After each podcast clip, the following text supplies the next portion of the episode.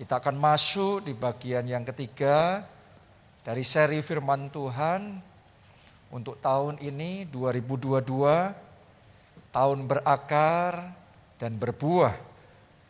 Dalam bagian yang ketiga ini saya mau bagikan kepada kita semua firman Tuhan yang judulnya adalah The Secret of Abundance atau rahasia kelimpahan. Yang saya percaya dan Tuhan taruh dalam hati saya adalah melalui firman Tuhan ini akan ada orang-orang di tempat ini maupun Anda yang mengikuti secara online. Tuhan akan pindahkan saudara ke jalur yang baru. Namanya adalah dimensi kelimpahan. Saya nggak tahu di dimensi Anda di mana sekarang. Mungkin di dimensi kekurangan, mungkin di dimensi kecukupan. Tapi saya yakin firman Tuhan itu berkuasa dan ketika firman Tuhan diperkatakan, disampaikan, sesuatu terjadi. Ketika Allah berfirman jadilah terang, tadinya gerak, terus kemudian jadi terang. Jadi firman Allah itu berkuasa. Ketika firman tentang abundance, tentang kelimpahan disampaikan, saya tahu ada orang-orang di tempat ini dipindah sama Tuhan, masuk ke jalur kelimpahan. Doa saya terjadi, terjadi, terjadi dalam hidup saudara. Amin. Mari kita baca 1 Korintus 3 ayatnya yang ke-9. Karena kami adalah kawan sekerja Allah. Kamu adalah ladang Allah, bangunan Allah. Di ayat ini kita sebagai orang percaya disebut sebagai ladang Allah. Dan karena kita adalah ladang Allah, maka Allah itu sudah menanam semua potensi, semua resources, sumber daya-sumber daya yang dibutuhkan supaya kita jadi ladang yang subur, ladang yang produktif, ladang yang menghasilkan. Jadi boleh dikatakan di dalam hidup kita kita itu berharga. Oke, saking berharganya kita manusia ketika diciptakan Tuhan, setelah itu manusia sempat jatuh dalam dosa, manusia terhilang, harusnya kita binasa. Tapi Tuhan gak rela untuk kita terhilang. Tuhan gak rela kehilangan kita. Kenapa? Karena kita berharga di mata Tuhan. Kalau saudara punya barang dan itu tidak Anda anggap berharga, katakanlah tisu, Anda habis pakai, Anda sudah tidak anggap itu berharga, terus hilang. Saya mau tanya sama saudara, Anda cari apa tidak? Enggak pikirin. Tapi kalau Anda kehilangan sesuatu yang berharga, Anda kehilangan handphone saudara mungkin. Atau Anda kehilangan sesuatu yang sangat berharga buat saudara, Anda cari apa tidak? Yes, seperti itu bahkan lebih dari itu bukan hanya Tuhan mencari kita tapi Tuhan rela mati bagi kita. Berikan tubuhnya, berikan darahnya, berikan segalanya buat kita. Supaya kita yang harusnya binasa, tidak binasa, melainkan beroleh hidup yang kekal. Jadi sadarilah di mata Tuhan Anda berharga. Sadarilah dalam hidup saudara ada potensi yang besar. Ada rencana Tuhan yang besar di dalam hidup saudara. Jangan izinkan iblis menipu saudara dan berkata bahwa engkau bukan apa-apa. Engkau nggak punya masa depan. Engkau nggak punya harapan. Masa depanmu lesu. No, no, no. Dalam hidup kita semua yang ada Yesus dalam hidup kita, masa depan kita luar biasa. Karena kita punya Tuhan, ada maksud Tuhan yang besar di dalam kehidupan kita. Amin. Jadi sebagai ladangnya Tuhan yang Tuhan sudah taruh semuanya bahkan dia kasih segalanya, dia berikan hidupnya buat kita, maka jadilah ladangnya Tuhan yang produktif. Jadilah ladangnya Tuhan yang menghasilkan, ladangnya Tuhan yang berbuah. Yesaya 50 Yesaya pasalnya yang kelima, ayatnya yang pertama sampai ayat yang kedua. Aku hendak menyanyikan nyanyian tentang kekasihku. Nyanyian kekasihku tentang kebun anggurnya. Kekasihku itu mempunyai kebun anggur di lereng bukit yang subur. Jadi ini bicara tentang orang yang punya kebun anggur. Ini bicara juga tentang Tuhan pemilik kebun anggur, pemilik ladang. Karena kita disebut sebagai ladangnya Allah, kebunnya Allah. Oke, nah mari kita lihat apa ekspektasi dari seorang pemilik kebun, pemilik ladang. Ayat yang kedua, ia mencangkulnya dan membuang batu-batunya. Berarti dibersihkan ya, digemburkan. Dan menanaminya dengan pokok anggur pilihan. Berarti dia menabur di situ, dia menanam di situ. Ia mendirikan sebuah menara jaga di tengah-tengahnya dan menggali lubang tempat memeras anggur. Jadi kebun pemilik kebun anggur ini orang yang malas atau orang yang rajin? Dia rajin. Dia lakukan semua yang harus dilakukan untuk kebunnya tersebut. Berarti dia punya pengharapan. Mari kita lihat apa pengharapannya. Lalu dinantinya supaya kebun itu menghasilkan buah anggur yang baik. Tetapi yang dihasilkannya ialah buah anggur yang asam. Jadi dalam kisah ini Sekalipun pemiliknya sudah melakukan semua yang harus dilakukan, sayangnya yang dihasilkan tidak seperti yang diharapkan. Hasilnya mengecewakan. Saya berdoa mulai hari ini kita tidak mengecewakan Tuhan. Saya berdoa mulai hari ini sebagai ladangnya Allah. Kita harus sadar dia sudah lakukan yang terbaik buat kita. Dia sudah berikan segalanya, tubuhnya dan darahnya bagi kita. Karena itu jadilah ladang-ladangnya Allah yang berbuah lebat. 2022 tahun berbuah lebat. Dalam setiap aspek hidup saudara, Anda harus berbuah lebat. Amin. Hanya ketika kita berbuah lebat, kita akan mengalami yang namanya abundance. Kita akan dibawa masuk Tuhan dalam dimensi kelimpahan. Karena ada buah-buah yang lebat. Nah sekarang mari kita pelajari masuk lebih dalam lagi. Ya, tiga prinsip mengalami kelimpahan. Abundance tersebut. Jadi ladangnya Tuhan yang berbuah lebat. Dan kita mengalami kelimpahan. Ada tiga hal saya mau bagikan sama saudara. Nomor satu, sadari bahwa Tuhan adalah pemilik segalanya dalam hidup kita. Jadi pastikan dalam hidup saudara Anda konekkan hidupmu sama Tuhan. Bukan cuma konekkan hidupmu sama Tuhan, Anda jangkarkan hidupmu sama Tuhan. Biar dari dia jadi sumbernya, biar dia jadi fokusnya, biar biar dia jadi pengharapan andalan dalam hidup saudara. Yeremia 17 ayat 7 sampai 8 itu ayat rema tahun ini. Jadi saya harap saudara hafal ayat itu. Ayatnya apa tadi? Yeremia 17 ayat 7 sampai 8. Diberkatilah orang yang mengandalkan Tuhan. Diberkatilah orang yang menaruh harapannya kepada Tuhan. Anda harus ngerti tahun ini yang akan bersaksi diberkati adalah orang yang hidupnya mengandalkan Tuhan. Adalah yang orang yang hidupnya andalannya pengharapannya adalah Tuhan. Ah, kita ngomong gini ayat yang ke-8. Sebab ia seperti pohon yang ditanam di tepi sungai, akarnya merambat ke air. Itu sebabnya walaupun tahun kering, ia tetap hijau daunnya. Enggak menjadi kering. Bahkan ia tak henti-hentinya menghasilkan buah.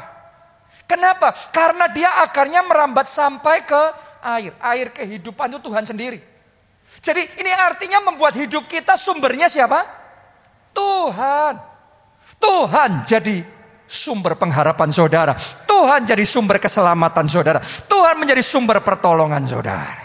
Jadikan dia sumber segalanya. Dengan cara mengakui Yesus sebagai pemilik atas hidup kita. Oke, hidup kita bukan kita lagi. Kita sudah ditebus. Dibayar lunas. Dengan harga yang mahal. Dengan tubuhnya dengan darahnya. Satu kebenaran itu seharusnya cukup buat kita untuk mengakui bahwa dia pemilik segalanya atas hidup kita. Dan kita hanyalah pengelola. Saudara dan saya bukan pemilik atas hidup kita. Hidupku bukannya aku lagi, tapi Kristus hidup di dalamku. Kita harus bisa ngomong seperti itu. Tuhan pemilik dalam hidup kita, kita jadi pengelolanya.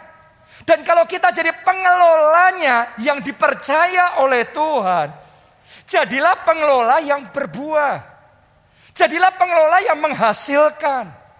Masih ingatkah saudara kisah hamba yang dipercaya satu talenta, hamba yang dipercaya dua talenta, dan hamba yang dipercaya lima talenta. Yang satu tetap satu, nggak berbuah apa-apa. Yang dua jadi empat. Terus yang lima talenta bisa mengembangkan berbuah talentanya jadi sepuluh. Nah sudah lihat, jenisnya Tuhan yang kita sembah tuh begini. Ngelihat hasilnya seperti itu, dia nggak biarin tetap sama. Yang tidak berbuah, kita ngomong yang satu talenta diambil, dikasih yang berbuah paling banyak, yang sepuluh. Benar apa tidak? Jadi sama-sama sebagai pengelolanya Tuhan, Anda harus ngerti yang dicari oleh Tuhan adalah pengelola yang berbuah. Pengelola yang menghasilkan buah. Karena itu jadilah pengelolanya Tuhan. Jadilah pengerjanya Tuhan yang berbuah. Mari kita baca di dalam Matius 21 ayat 33 sampai 35. Dengarkanlah suatu perumpamaan yang lain adalah seorang tuan tanah membuka kebun anggur dan menanam pagar sekelilingnya ia menggali lubang tempat memeras anggur dan mendirikan menara jaga di dalam kebun itu. Kemudian ia menyewakan kebun itu kepada penggarap-penggarap lalu berangkat ke negeri lain. Ketika hampir tiba musim petik, ia menyuruh hamba-hambanya kepada penggarap-penggarap itu untuk menerima hasil yang menjadi bagiannya. Lihat saudaraku, untuk menerima hasil yang menjadi apa? Bagiannya. Jadi Tuhan mengharapkan bagiannya. Tuhan mengharapkan hasilnya. Ayat 35, tetapi penggarap-penggarap itu menangkap hamba-hambanya itu, mereka memukul yang seorang, membunuh yang lain, dan melempari yang lain pula dengan batu. Kita lompat ayat 41. Kata mereka kepadanya, ia akan membinasakan orang-orang jahat itu. Dan kebun anggurnya akan disewakan kepada siapa? penggarap-penggarap yang lain. Berarti ada jenis yang lain. Jenis yang dicari oleh Tuhan, oleh pemilik ladang itu. Yang seperti apa jenis yang dicari? Penggarap-penggarap yang kayak gimana? Yang akan menyerahkan apa? Hasilnya kepadanya pada waktunya. Jadi yang dicari oleh Tuhan, oleh pemilik kebun anggur, pemilik ladang, adalah mereka yang kalau dipercaya bisa memberikan buah. Memberikan hasil. Karena itu kepada yang berbuah, dua talenta jadi empat, lima talenta jadi enam. Kepada mereka yang menghasilkan buah, pemilik ladang itu ngomong begini. Pemilik talenta itu ngomong begini. Hai engkau hambaku yang baik dan setia. Engkau sudah setia dalam perkara kecil. Sekarang turutlah dalam kebahagiaan Tuhanmu. Oh, saya berdoa suatu hari nanti. Tiba waktunya Tuhan ngomong sama kita masing-masing. Engkau yang baik dan setia. Engkau hamba-hambaku, anak-anakku yang baik dan setia. Masuklah dalam kebahagiaan Tuhan. Amin. Karena itu kita harus ambil komitmen dalam hidup kita. Kita harus berbuah bagi Tuhan. Dalam hidup kita, kita harus muliakan Tuhan dengan semua yang Dia percayakan. Semua talenta yang Dia tanamkan dalam diri kita harus berbuah. Selagi kita masih ada hidup di dunia, berarti Dia berikan waktu. Saya berdoa, waktu yang Tuhan berikan sama saudara bukan hanya Anda nikmati sendiri, tapi waktu itu berguna buat Tuhan. Pakai waktumu menyenangkan hati Tuhan. Pakai hatimu untuk menaikkan puji-pujian, penyembahan bagi Tuhan. Pakai waktumu untuk melayani Tuhan. Kalau Tuhan kasih saudara talenta, doa saya talentanya bukan cuma untuk diri kita sendiri. Tapi talenta kita berguna untuk memajukan pekerjaan Tuhan. Kalau Tuhan promosikan saudara, sebagian orang doanya Tuhan promosikan, Tuhan angkat saya, Tapi kalau kita diangkat Tuhan, itu kita pakai hanya kita sendiri atau Tuhan juga punya bagian di situ. Saya berdoa kalau Anda dipromosikan, promosi yang dari Tuhan juga akan dikembalikan untuk memuliakan Tuhan. Melalui jabatan saudara, hidupmu ada kesaksian yang menyenangkan hati Tuhan. Melalui jabatan saudara, engkau bisa bersaksi kepada lebih banyak orang dan nama Tuhan dipermuliakan. Kalau Anda diberkati Tuhan dengan berkat finansial, doa saya tidak semua kita habiskan untuk diri kita sendiri. Alkitab ngomong, muliakan Tuhan dengan hartamu. Jadi bukan cuma untuk diri kita sendiri, Semuanya untuk kita sendiri. No, no.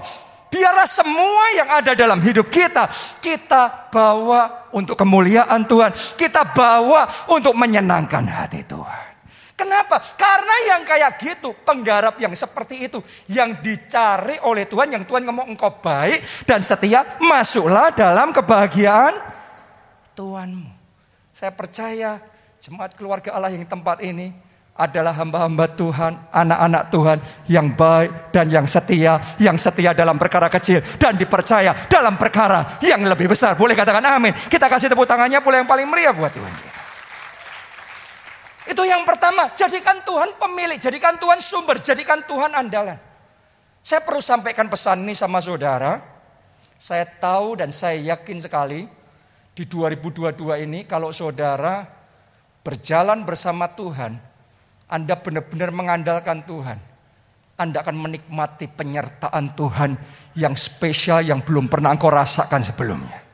Sebaliknya kalau kita hidupnya, ya sudah saya sendiri. Tanpa Tuhan gak apa-apa saya berjuang dengan kekuatan sendiri. Saya ngomong begini, boleh idemu brilian.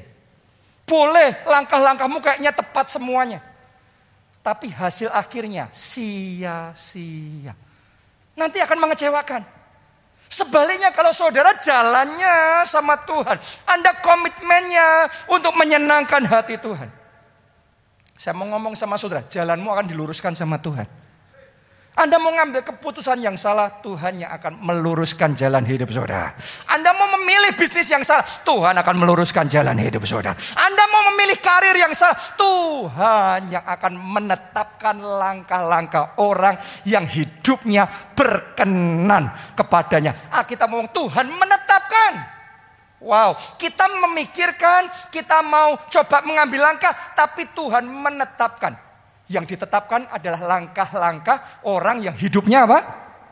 Berkenan, menyenangkan hatinya. Orang yang hidup buat Tuhan.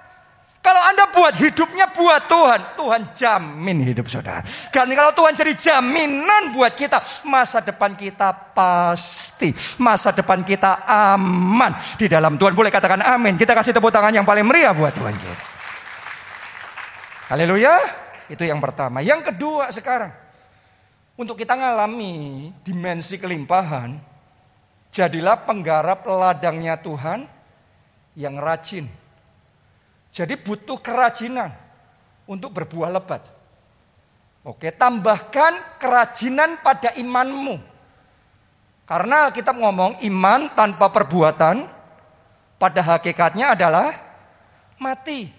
Anda ngomong, saya percaya, saya percaya diberkati tahun ini berbuah lebat. Tapi tanpa perbuatan, tanpa kerja keras, tidak ada apa-apanya. Tambahkan doa saudara dengan bayar harga. Dengan pengorbanan. Dengan kerja keras yang all out. Maka doa saudara akan mekar, akan menghasilkan buah-buah yang nyata. Jangan Anda gantikan kerja keras dengan doa. Yang ngomong ini bukan orang yang tidak berdoa. Oke, kalau kalimat yang sama keluar dari orang yang tidak berdoa, nanti maknanya berbeda. Ya, artinya begini, saya paham doa orang benar bila dengan yakin didoakan sangat besar kuasanya. Oke, jadi untuk kita berbuah lebat, ngalami kelimpahan, ada porsinya harus berdoa. Boleh katakan amin. Tapi juga ada porsinya harus kerja keras. Harus rajin. Harus tekun. Saya ketemu sama orang-orang Kristen yang rajin berdoa. tapi malas kerja keras. Yang kayak gitu nggak akan ngelihat apa-apa. Tahukah saudara kenapa yang Tuhan pilih jadi muridnya adalah Petrus? Sederhana. Karena Tuhan ngelihat ini pekerja keras. Dia berusaha menangkap ikan semalaman. Nggak dapat ikan, masih tetap kerja loh. Nggak ada hasil, masih tetap kerja. Kalau orang cuma ada hasil bekerja, biasanya kalau nggak ada hasil terus jadi malas. Hebatnya Petrus, setelah nggak dapat apa-apa, dia balik, dia nggak segera tinggalkan kapalnya, tinggalkan jalannya begitu saja. Ya besok aja capek saya. No, nggak dapat apa-apa. Dia tetap bersihin jalannya, beresin perahunya. Dia tetap kerjakan semuanya itu. Yesus yang melihat ini pekerja keras nih.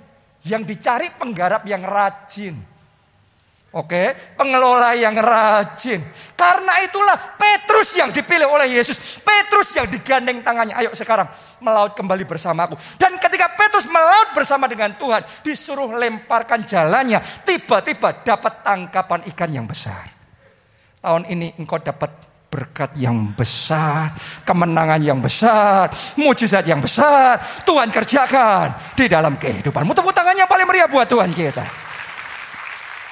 Tapi yang akan digandeng tangannya oleh Tuhan untuk mengalami keajaiban-keajaiban seperti yang dialami Petrus adalah mereka pekerja keras.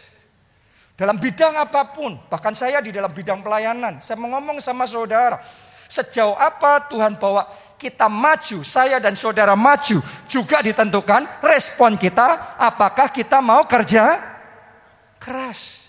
Gak ada pengganti untuk kerja keras. Doa harus, Puasa harus, beriman harus, percaya harus, kerja keras juga harus. Mari kita baca di dalam Amsal 24 ayatnya yang ke-30 sampai 31. Aku melihat ladang seorang pemalas dan kebun anggur orang yang tidak berakal budi.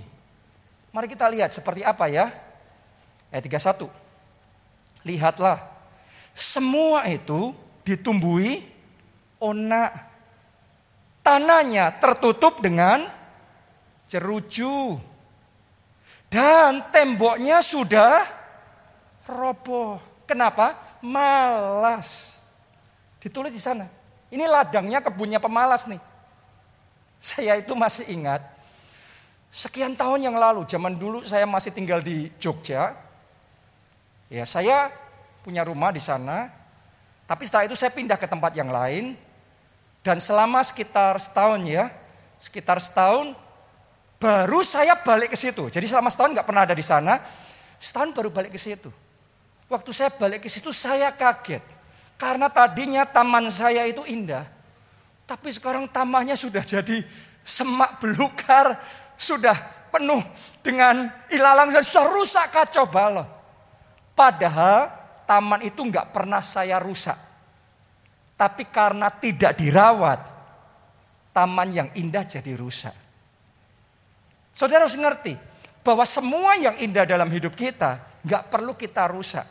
Cukup nggak dirawat. Cukup malas untuk merawat. Maka yang baik jadi akan rusak. Berapa banyak orang dipercaya Tuhan taman pernikahan yang indah. Tapi kalau tidak dirawat, yang indah jadi rusak. Kalau sudah nggak usah diurus deh, sudah pokok kerja terus saja. Pernikahan nggak usah diurus, istri nggak usah diurus, suami nggak usah diurus, anak nggak usah diurus. Yang baik jadi rusak. Berapa banyak orang setelah rusak, loh kok heran. Saya nggak ngerusak kok dia bisa rusak. Sederhana, rusaknya bukan karena dirusak. Rusaknya karena tidak dirawat. Jadi butuh yang namanya kerajinan. Supaya nggak ada onak. Kerajinan untuk membersihkan dari jeruju. Kerajinan supaya tembok yang agak miring, tembok yang agak bolong, agak rusak, diperbaiki. Sehingga tetap kokoh. Butuh yang namanya kerajinan. Oke. Saya mau ngomong sama saudara, Anda punya mobil atau Anda punya motor, Perlu nggak supaya kotor kita kumpulkan lumpur terus kita lumpuri? Perlu apa tidak? Nggak perlu. Nggak perlu. cukup dibiarin saja mobil bersih pun jadi kotor. Itu sebabnya setiap hari harus dibersihkan. Ya, saudara pernah lihat nggak mobil yang sudah sebulan dua bulan nggak pernah dibersihkan? Itu nggak usah dikotorin, dia sudah debunya luar biasa. Kalau mobilmu dibersihkan setiap hari, terlebih lagi hatimu harus dibersihkan setiap hari. Amin. Orang yang malas membersihkan hatinya tiap hari, tadi ditulis. Ladangnya, ladang hatinya penuh dengan apa yang pertama? Onak. Onak itu tanaman liar yang berduri, semak duri. Benih kalau tumbuh di semak duri, dia dicekik, dijepit, akhirnya mati, nggak bisa berbuah. Saya mau ngomong sama saudara, Semadur ini bicara tentang kekecewaan, tentang sakit hati, kepahitan. Saudara nggak usah ngapa-ngapain, yang namanya kecewa sakit hati itu tanaman liar yang selama kita hidup akan berusaha terus muncul terus. Onak sakit hati, onak duri kecewa itu. Anda bicara sama orang tua nggak cocok hati, nanti kecewa sakit hati. Anda ngobrol sama teman, terus ada gesekan, kecewa, sakit hati. Anda duduk di gereja, terus kemudian ketemu sama sesama jemaat, bicara, apa sedikit salah, kecewa, sakit hati. Yang namanya onaduri itu bisa muncul setiap saat. Sama seperti di ladang. Gak usah diapa-apain, gak usah ditanam itu semaduri. Gak usah di khusus kita import dari Italia untuk nanam semaduri. Muncul sendiri saudaraku. Benar apa tidak? Seperti itu juga kecewa dan sakit hati. Dan kalau kita biarkan kecewa sakit hati dalam hati kita kecil dibiarin. Lama-lama ladang hati kita, tanah hati kita penuh dengan kecewa sakit hati. Dan orang kalau sudah penuh dengan kecewa sakit hati tidak bisa berbuah. Kalau kita sudah kecewa sakit hati di dalam pernikahan kita, susah menikmati sukacita dan kebahagiaan. Kalau kita izinkan kecewa sakit hati di dalam pekerjaan, kecewa sama bos, kecewa sama rekan kerja, kalau Anda biarkan itu terus menguasai hati saudara, akhirnya semangat kerja kita hilang. Orang kalau sudah semangat kerjanya hilang, bisa nggak berprestasi? Bisa nggak berbuah? Nggak bisa. Di gereja juga sama. Ada orang-orang yang tadinya luar biasa diurapi Tuhan. Dipakai Tuhan, melayani Tuhan luar biasa. Sampai dia sakit hati. Sakit hati, kecewa itu selalu akan berusaha muncul. Pertanyaannya, dibersihin apa tidak? Mobil dibersihin, tapi hati kok nggak dibersihin? Jangan salah. Kalau kita nggak bersihkan, saya sudah melihat orang-orang yang cinta Tuhan, yang luar biasa pelayanannya, gara-gara kecewanya nggak dibersihkan, hatinya nggak dibersihkan, terus hatinya penuh dengan onak duri, sakit hati, kecewa. Akhirnya pelayanannya mati, kehidupan rohaninya mati. Akhirnya dia kehilangan anugerah. Itu sebabnya hari ini firman Tuhan bicara sama saudara. Yang mungkin di dalam hati saudara ada onaduri sakit hati. Ambil keputusan, bersihkan. Amin. Jangan malas, jangan biarkan. Bersihkan. Hati saudara harus dibersihin dari sakit, hati dari semua ona duri. Itu yang pertama. Yang kedua, jeruju. Jeruju itu bicara tentang tanaman liar, rumput-rumput yang liar. Perlu nggak rumput liar ditanam? Nggak usah, dia tumbuh sendiri. Benar apa tidak? Muncul sendiri. Hidup kita juga sama kayak gitu. Anda dalam perjalanan hidup nanti muncul hal-hal yang liar yang bukan dari Tuhan. Muncul godaan-godaan yang liar. Anda bergaul sama rekan saudara di di tempat kerja saudara, nanti muncul godaan celah terbuka di situ. Pertanyaannya kita masuk enggak? Anda biarkan enggak godaan dosa itu datang menjerat sehingga akhirnya kita jatuh. Nanti muncul imajinasi yang liar, keinginan-keinginan yang liar. Muncul pergaulan yang liar, hubungan yang liar. Kalau yang liar kita biarkan terus mendominasi dalam hidup kita, akhirnya rusak keluarga kita, rusak pernikahan kita, rusak kesehatan kita. Kalau gaya hidup kita liar, rusak kesehatan, rusak tubuhnya kan? Kalau gaya hidup kita liar, akhirnya rusak karir kita, rusak pekerjaan kita, rusak keuangan kita. Karena pengeluarannya liar, gaya hidupnya liar, kacau semuanya. Akhirnya hidupnya tidak berbu kalau Anda mau 2022 ini berbuah dengan lebat. Saya tantang saudara, semua yang liar, yang bukan daripada Tuhan, potong itu dalam nama Tuhan Yesus. Jangan kompromi sama dosa. Tegas ngomong no sama dosa. Kenapa? Karena dosa akan mengeringkan pengurapan Tuhan dalam hidup kita. Dosa itu akan membuat anugerah yang seharusnya ada dalam hidup kita bocor.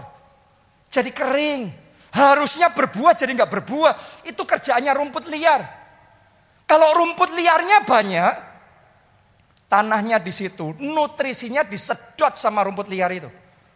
Anda tanam tanaman yang baik, tanaman anggur di sana, nggak bisa bertumbuh. Kenapa? Karena nutrisinya habis disedot oleh rumput liar. Buang semua yang liar dari hidup kita. Jangan izinkan yang liar itu terpada karena yang liar itu mengeringkan masa depanmu.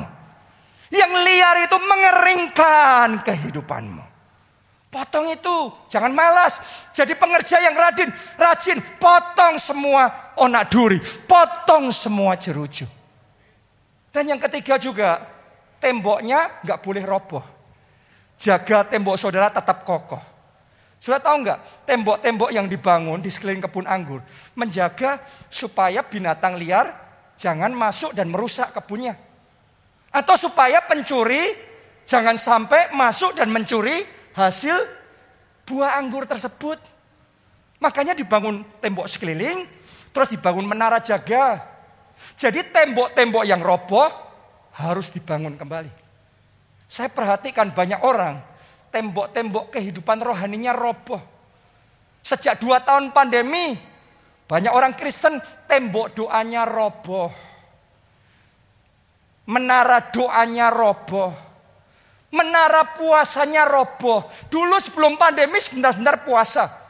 Bahkan kalau doa puasa, wah ikut 40 hari ikut 50 hari. Tapi pertanyaannya, selama dua tahun ini masih seringkah, masih kokohkah tembok doa puasamu, tembok perenungan firmanmu, masih kokohkah komitmen ibadah saudara, komitmen pelayanan saudara sama Tuhan, masih kokohkah disiplin rohani kita sama Tuhan. Karena disiplin rohani itu yang menopang. Kayaknya Anda biasa ya ibadah kayak gini, saudara nanti akan lihat anda tidak ibadah selama sekian bulan, selama setahun. Betapa berubahnya hidupmu nanti. Jadi yang Anda lakukan beribadah seperti ini. Ini kayak membangun tembok yang kokoh dalam hidup kita. Ini yang meluruskan jalan hidup kita. Kita mau miring sedikit. Waktu minggu firman Tuhan bicara. Jangan menyimpang ke kanan. Jangan menyimpang ke kiri. Tuhan luruskan jalan hidup kita. Tapi kalau kita tidak menjaga tembok kita tetap kokoh, kita salah jalan miring, bablas kita. Rusak semuanya, rusak rencana Tuhan dalam hidup kita, rusak keluarga, rusak kesehatan kita. Jadi hari ini bangun kembali. Tembok doamu harus dibangun kembali. Tembok hubungan pribadimu sama Tuhan harus diperkuat kembali. Boleh katakan amin saudara. Haleluya. Jangan malas, kita harus jadi pekerja yang rajin. Maka kita akan berbuah lebat. Itu yang kedua. Yang ketiga. Yang ketiga. Untuk kita mengalami kelimpahan supaya berbuah lebat. Yang ketiga kita harus menabur. Oke, saya percaya tahun ini kita harus menabur. Saya rasakan kuat sekali dalam hati saya. Roh Kudus gerakan untuk saya bicara sama saudara. Ini waktunya menabur. Kita baca dulu di dalam Yesaya 30 ayatnya yang ke-23. Lalu Tuhan akan memberi hujan bagi benih yang baru kamu apa? Taburkan di ladangmu. Dan dari hasil tanah itu kamu akan makan roti yang lezat dan berlimpah-limpah. Pada waktu itu ternakmu akan makan rumput di padang rumput yang luas. Wow, ini luar biasa sekali. Jadi janji firman Tuhan, Tuhan akan memberikan apa tadi? Menurunkan hujan. Menurunkan hujan ini bicara tentang Tuhan menurunkan berkat. Jadi Tuhan bukakan tingkap-tingkap langit. Ini open heaven.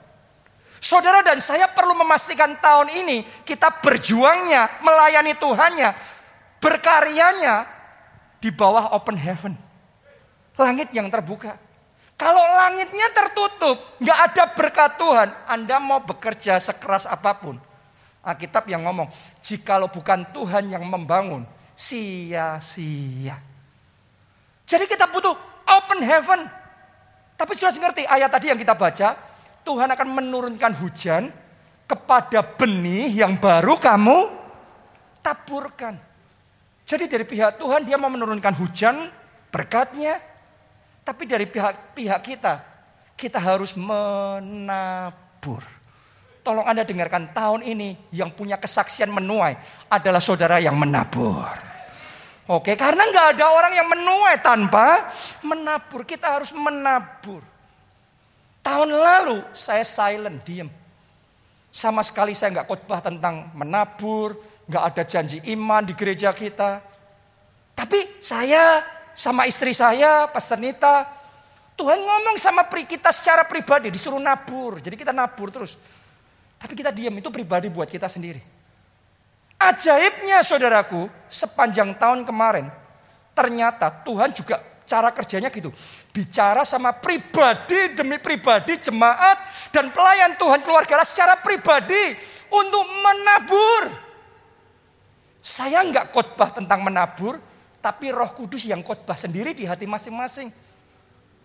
Jadi berapa banyak yang satu persatu datang sama saya dan ngomong, Pak, Tuhan suruh kami untuk menabur.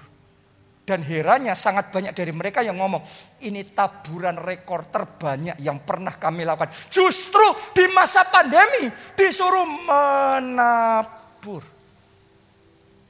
Saya masih ingat dua tahun ini masa pandemi saudaraku. Maret 2020 ketika pandemi datang, saya jujur ngomong sama saudara, kita juga sempat terdampak. Gereja kita juga sempat terdampak. Dalam keadaan seperti itu, Roh Kudus bicaranya menabur. Menabur jadi berkat buat banyak orang. Karena banyak yang membutuhkan kan di masa pandemi ini. Bukan cuma itu, disuruh menabur sama gereja-gereja lain, sama pendeta-pendeta lain. Saya mikir, waduh, ini kita sendiri kan juga ngalami tantangan nih. Tapi kok disuruh nabur sama gereja-gereja lain, sama pendeta-pendeta lain. Tapi kita belajar taat. Saya mau ngomong begini sama saudara, kalau ada satu hal yang terbaik yang kita bisa lakukan dalam hidup kita adalah obeying the Lord. Taati tuntunan Tuhan dalam hidup saudara. Karena kalau dia bicara sama kita, dia tidak akan mengecewakan kita. Kalau dia suruh kita lakukan sesuatu, dia punya maksud yang indah dalam hidup kita. 2020 kita disuruh nabur kayak 2021 tadi saya cerita sama saudara. Kami disuruh secara pribadi nih silent.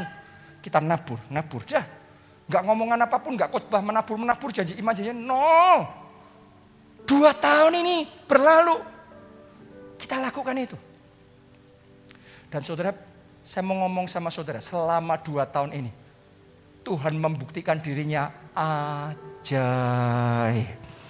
Ketika kita ikuti tuntunan Tuhan, sungguh firmannya ya dan amin. Ia menurunkan hujannya. Wow. Ia menurunkan anugerahnya. Ia menurunkan berkatnya. Justru di masa paling sukar, justru di masa paling berat, keajaiban terjadi. Mujizat terjadi.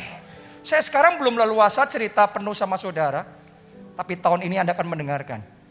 Tuhan kerjakan kemenangan besar.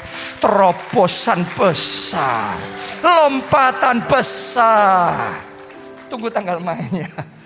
Ya, tapi ini Tuhan sedang kerja luar biasa di tengah-tengah kita. Ya, Herannya 2022 masuk. Kali ini Roh Kudus bicara bukan cuma silent pribadi. 2021 kami lakukan pribadi sendiri dan Roh Kudus khotbahnya secara pribadi. Ngomongnya pribadi, orang-orang yang sudah nabur pribadi-pribadi.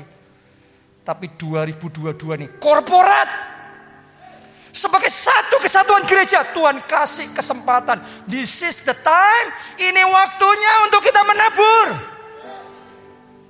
Nanti saudara doa masing-masing. Kalau roh kudus ngomong nggak usah, Anda nggak usah nabur. Tapi yang saya dengar dari roh kudus, ini waktu untuk menabur. Dan kalau saudara ngerti, berjalan bersama roh kudus, setiap kali roh kudus suruh kita menabur.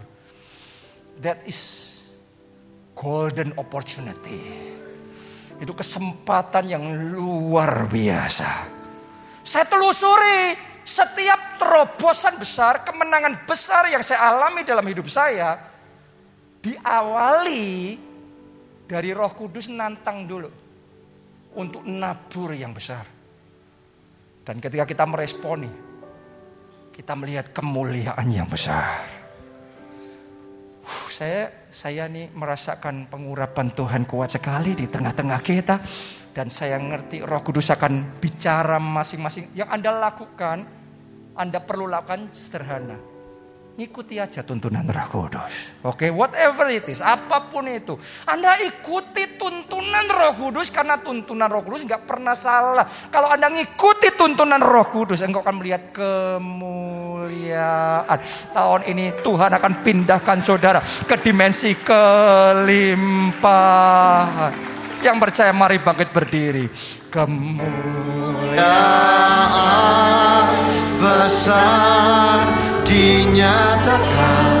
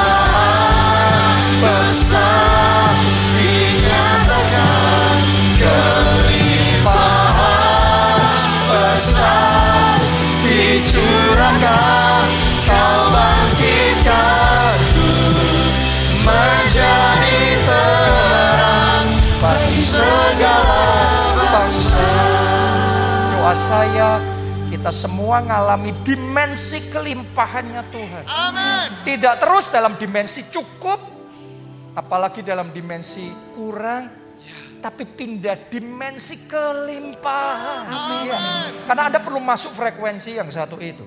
Begitu saudara dibawa Tuhan masuk ke yang satu itu, nanti Anda akan heran tiba-tiba dengan mudahnya pintu-pintu akan terbuka buat saudara. Tiba-tiba Anda akan dapatkan kemudahan-kemudahan. Tiba-tiba usaha yang tadinya Anda butuhkan begitu banyak untuk maju satu step. Sekarang baru usaha sedikit. Tuhan bawa majunya 10 step. Itu dimensi kelimpahan yang yang Tuhan mau bawa saudara. Saya dibawa ngalami itu dan saya saya hanya bisa terheran-heran. Kalau orang lihat mungkin wow hebat. Nggak ada yang hebat. Tuhan yang hebat. Amen. Kita ini hanya ngikuti Tuhan saja. Ngikutin Tuhan aja. Kalau saudara mau dibawa masuk di dalam dimensinya Tuhan yang satu itu. Yang pertama perlu Anda lakukan. Terima Yesus sebagai Tuhan dan Juru Selamat. Dia kuncinya. Dia yang utama. Jadikan dia sumber dalam kehidupanmu. Sumber segalanya.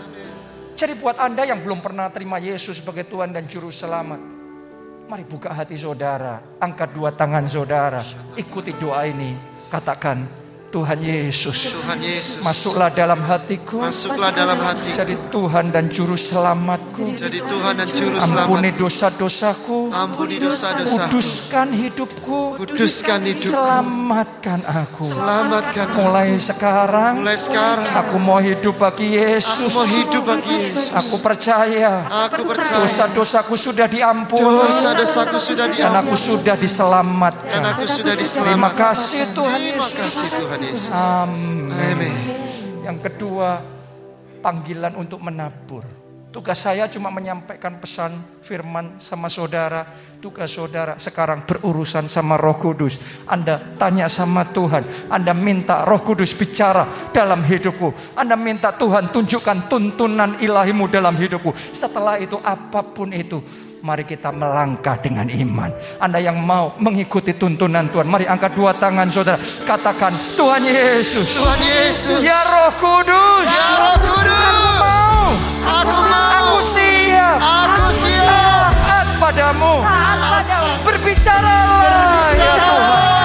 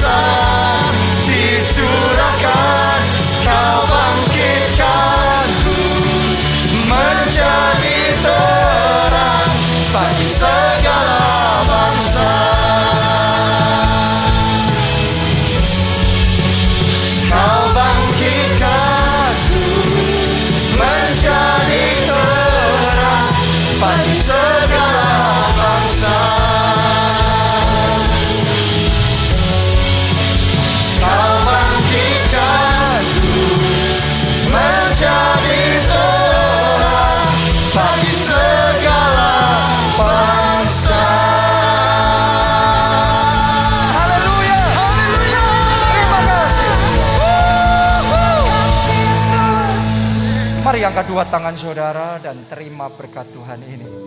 Diberkatilah saudara oleh Tuhan. Amin. Diberkatilah keluarga saudara oleh Tuhan. Amin. Diberkatilah studi dan pekerjaan saudara oleh Tuhan. Diberkatilah kesehatan dan masa depan saudara oleh Tuhan.